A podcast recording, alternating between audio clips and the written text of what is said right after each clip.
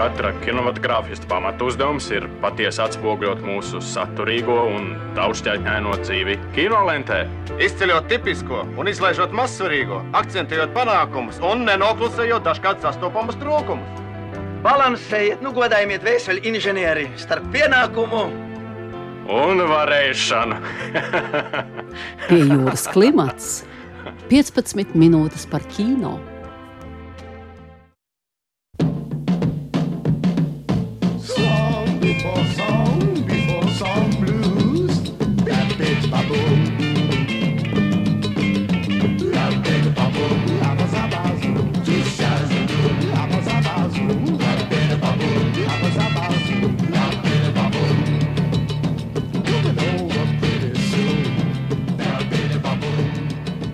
Labdien, mīļie radioklausītāji!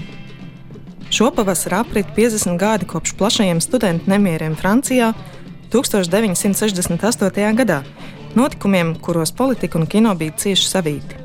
Parīzē to epicentrā bija leģendārā Parīzes cinematēka un tās dibinātājs un vadītājs Andrija Langlois, kuru tā brīža Francijas kultūras ministrs Andrē Malro 68. gada sākumā atstādināja no amata. Šī rīcība izraisīja ārkārtīgi plašus protestus kā Francijā, tā arī starptautiski. Tika pat izveidota Langlois aizstāvības komiteja, kuras sastāvā bija spožākie tā laika kino veidotāji.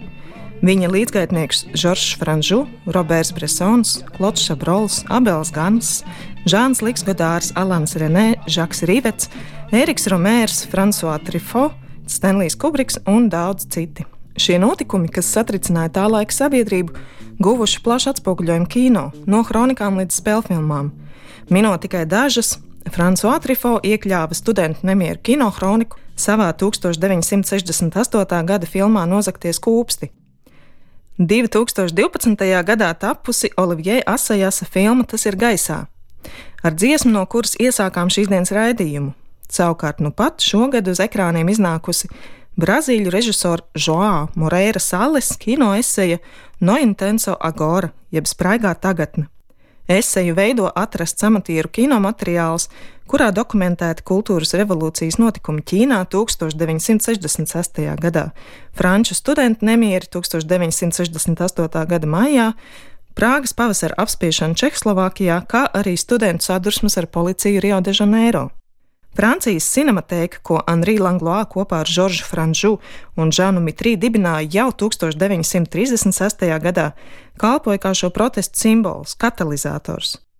Šodien uz sarunu studijā aicināju Rīgas kino muzeja vadītāju Zani Balčus un Latvijas Nacionālās filmu skolas asociēto profesoru un kino režisoru Dāvis Īmani, lai mazliet ieskicētu šīs te franču kino kultūras leģendas, cinefīla, kaislīga filmu saglabāšanas aizstāvja Langloā nozīmību 1968. gada notikumu kontekstā, kā arī cinematēkas lomu, kā to laik tā mūsdienās.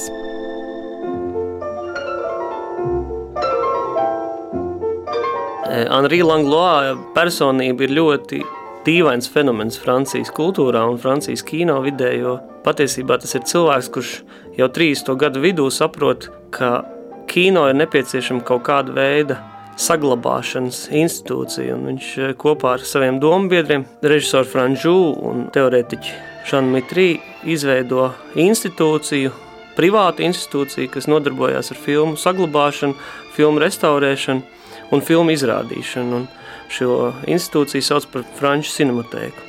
Franču cinematēkas kontekstā eh, Langlois ieguldījums visticamākais ir jāvērtē tieši otrā pasaules kara kontekstā, jo jau pirms kara cinematēkā bija uzkrāts gan arī 50 tūkstoši kino kopijas, sākot, piemēram, tas nozīmē 5 gadu periodā, šis skaits bija palielinājies vienkārši neticami, un um, Langlois principā vienpersoniski kara laikā pasargāja šīs kopijas no iznīcināšanas, no okupācijas perioda, iespējamām represijām pret šiem darbiem. Un rezultātā jau pēc kara Cinematēka varēja sākt darboties ar jau jaunu spāru, un šīs filmas, šie klasiskie darbi, vēlāk arī dažādi veidi eksperimentāli darbi, kas tika iekļauti cinematēkas krājumos, tika izrādīti un radīja pilnīgi jaunu kino sabiedrību, daudz izglītotāku, tādu, kurā domāšana par kino sāk spēlēt ļoti lielu nozīmi. Rezultātā mēs varam arī redzēt kaut kādas praktiskas sekas tam, un tas bija Frančija jaunais vilnis, jo patiesībā lielākā daļa režisoru un teorētiķi, kas eh, tajā laikā izauga, viņi izauga uz eh, cinematēkas bāzes, un tā arī tiek saukts par cinematēkas bērniem.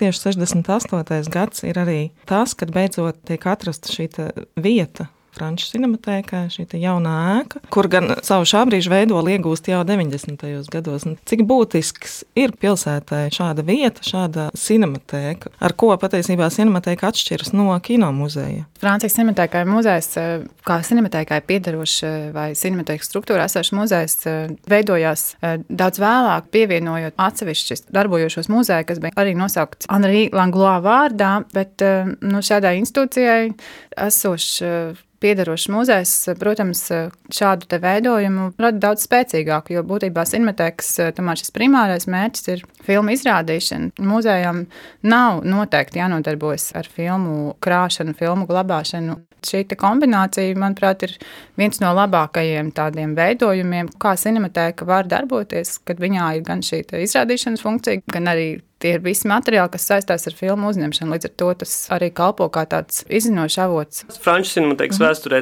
ēku ir bijušas daudz un dažādas. Mm. Viņas ir mm. bijušas dažādās vietās Parīzē. Tās vietas ir mainījušās. Un tā ēka par kuru ir runa 1968. gada notikuma kontekstā, tā ir Palais Šaju, kur uh, cinematogrāfija ievācās 63. gadā.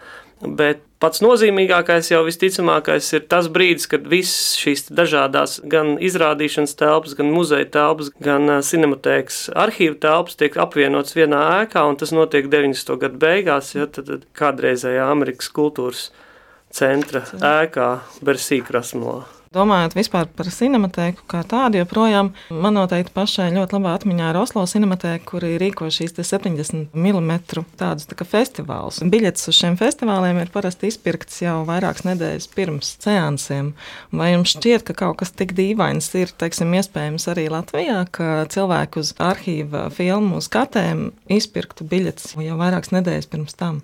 Un vai Rīgā vispār ir iespējama šāda cinematēkas ideja? Tas, ka Latvijā cinematēka ir nepieciešama, un tas patiešām pierādās visās valstīs, kuras ir cinematēkas un ir iespēja skatīties teiksim, šīs te vēsturiski veidotās filmas, ja, un savā ziņā izglītot sabiedrību nevis tādā sporādiskā veidā, bet konstanti ikdienas režīmā izrādot šīs filmas, tad noteikti Latvijai tas ir nepieciešams, jo Latvija vienmēr atradīsies tajā situācijā, ka nu, mēs joprojām tādā kino izglītības, es domāju, sabiedrības kino izglītības nozīmē mēs būsim ļoti, ļoti vāji. Un mums ir nepieciešams, lai kino netiktu degradēts līdz kaut kādam izklaides līmenim. Cinematēkai kā izglītojušai iestādēji un arī kā vietai, kur cilvēkiem ir iespējams komunicēt vienam ar otru, veidot kino sabiedrību, tad tā ir ļoti, ļoti svarīga. Un es ceru, ka varbūt pēc kaut kāda laika mēs visi kaut kā atmodīsimies no šī tumšā sapņa, kurā mēs esam šobrīd, un sadosimies rokās un izveidosim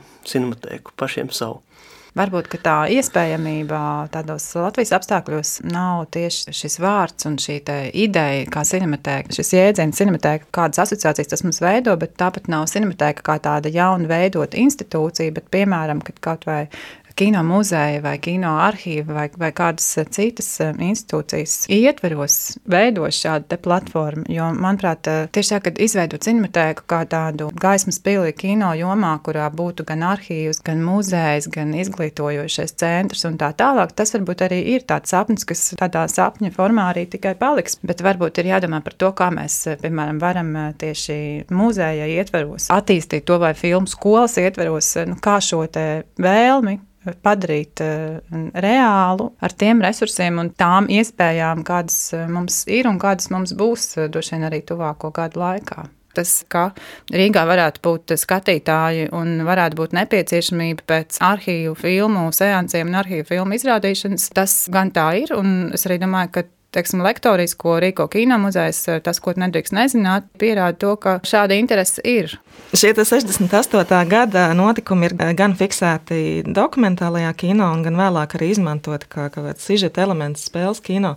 Varbūt jūs varat minēt kādus piemērus šīm filmām, kas ir tapušas balstoties uz šiem notikumiem. Nu, jā, noteikti ļoti, ļoti daudz tādu filmu, teiksim, arī Bernardo Bertolucci sapņotāji, kas eh, arī parāda vienu no aspektiem, kā šos notikumus var attainot. Un noteikti, varbūt dāvim būs vēl citi piemēri. Tā kā, nu, tieši tā, ka eh, šis notikums, protams, ir, ir gan revolūcija, gan iespējams dažādas attiecību drāmas uz, uz šī fona veidot, eh, gan arī parādīt to, kā šādai masai, kur vienojas kopējas idejas vārdā, ir spēks un iespēja kaut ko izdarīt. Man, starp citu, ienāca prātā tieši Bernardo Bertolucci kontekstā, jo es nesen viņu personīgi satiku, un man tā bija tāda ļoti dīvaina un, un īpaša pieredze.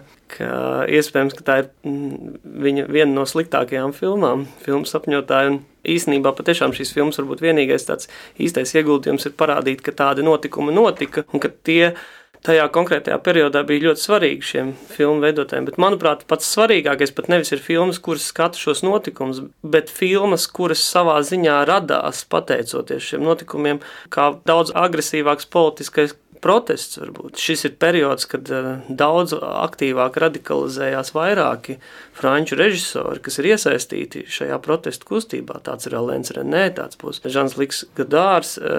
Tur ir vesela rinda autori, kur īsnībā kļūst caur savu līdzdalību šajā protestu kustībā, uh, caur jau daudz apjomīgāko 68. gada studentu nemieru arī kā, radīšanas kontekstā, kur cinematēka spēlē galveno lomu, kas ir dīvaini, ka kino izraisa vai ne šādu milzīgu sabiedrisku kustību. Tad šīs filmas, manuprāt, daudz svarīgākas ir, un tās ir patiešām tādas kino vēstures īpašās atzīmes, ja, kur patiešām mēs redzam, ka cilvēki sāk runāt daudz politiskākos terminos, un tas arī ir, manuprāt, kino svarīgi pa laikam piedzīvot tādus politiskos periodus, kad filmas neslēpjas aiz kaut kādiem estetizētiem vai metaforiskiem apzīmējumiem, bet runā ļoti skaidrā politiskā valodā.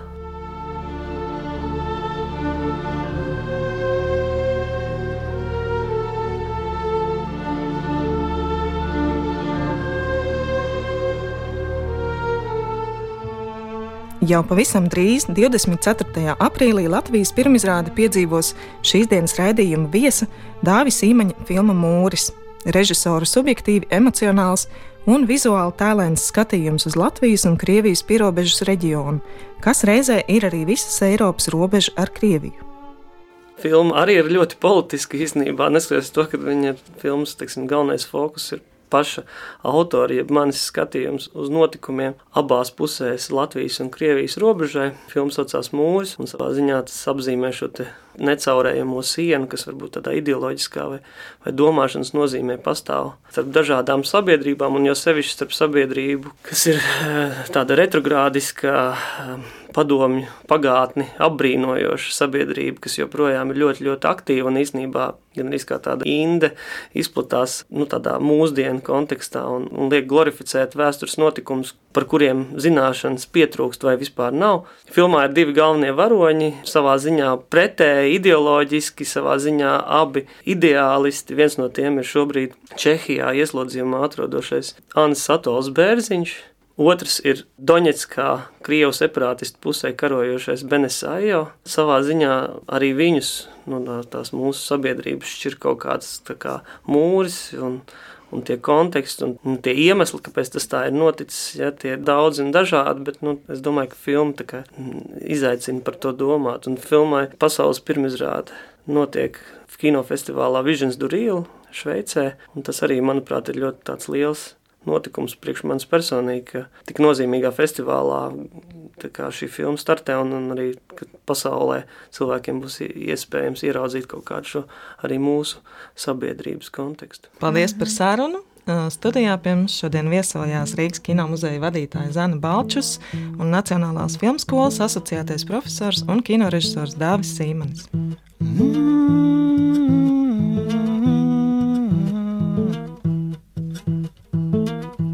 Nākošnedēļ ar jums kopā būs mana kolēģe un kino režisore Kristīna Žēlve, kuras dokumentālā spēļu filma Mērijas ceļojums arī dzen piedzīvos pirmizrādi jau pavisam drīz 2. maijā.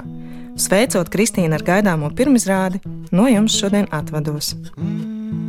Raidījumu vadīja Sonora Broka, Pījūras klimata producentes Inga Saksone un Agnese Zeltiņa.